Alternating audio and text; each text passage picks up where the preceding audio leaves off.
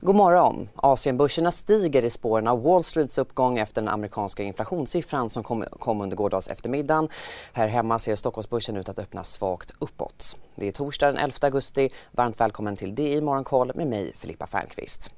Vi börjar i USA där uppgångarna på de amerikanska börserna fortsatte under kvällen och avslutade gårdagens handel på dagshögsta nivåer efter att KPI-siffran kom in bättre än väntat. Efter inflationsutfallen har amerikanska räntor återhämtat sig samtidigt som dollarn stärks nu på morgonen. S&P 500 steg med 2,1% och det motsvarar en uppgång om 0,2% räknat från det att Stockholmsbörsen stängde här hemma. Bland bolag som rapporterade i USA så redovisade Walt Disney ett justerat resultat som kom in bättre än väntat. Antalet prenumeranter av bolagets strömningstjänst Disney Plus uppgick till 152 miljoner vid kvartalets slut och det motsvarar då en ökning med 31 procent jämfört med motsvarande period förra året. Disney-aktien var upp runt 6 procent i efterhandeln.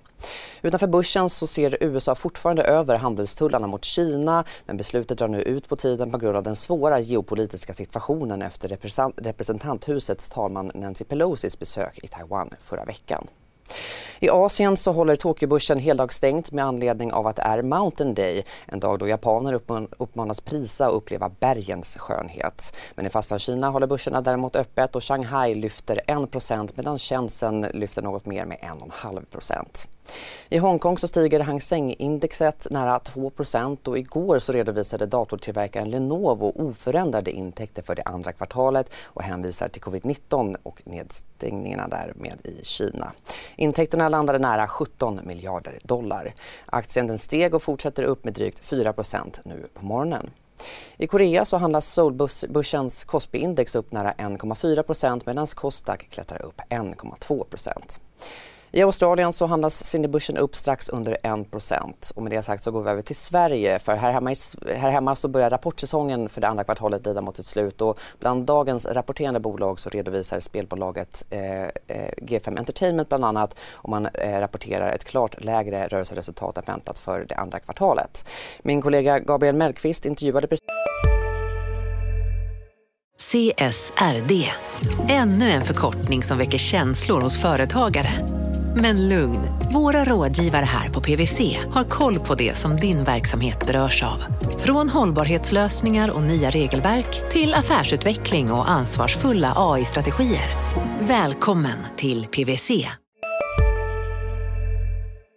Bolagets VD Vlad Suglobov och så här lät det. We worked against some uh, headwinds this quarter.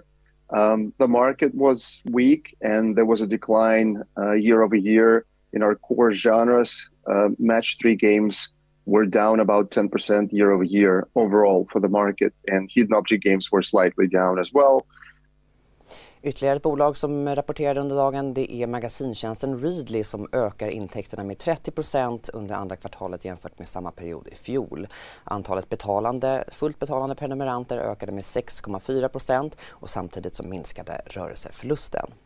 Även eh, fiberkabelbolaget Hexatronic redovisar intäkter och ett ebitda-resultat i linje med de pre preliminära siffrorna från bolaget. Samtidigt belyser bolagets VD att osäkerhet kring råvarupriserna kvarstår.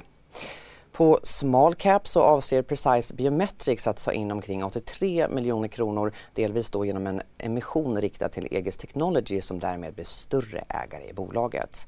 EGs Technology har varit kommersiell partner till Precise Biometrics sedan 2019 och kan nu få ett ägande på upp till 12 procent.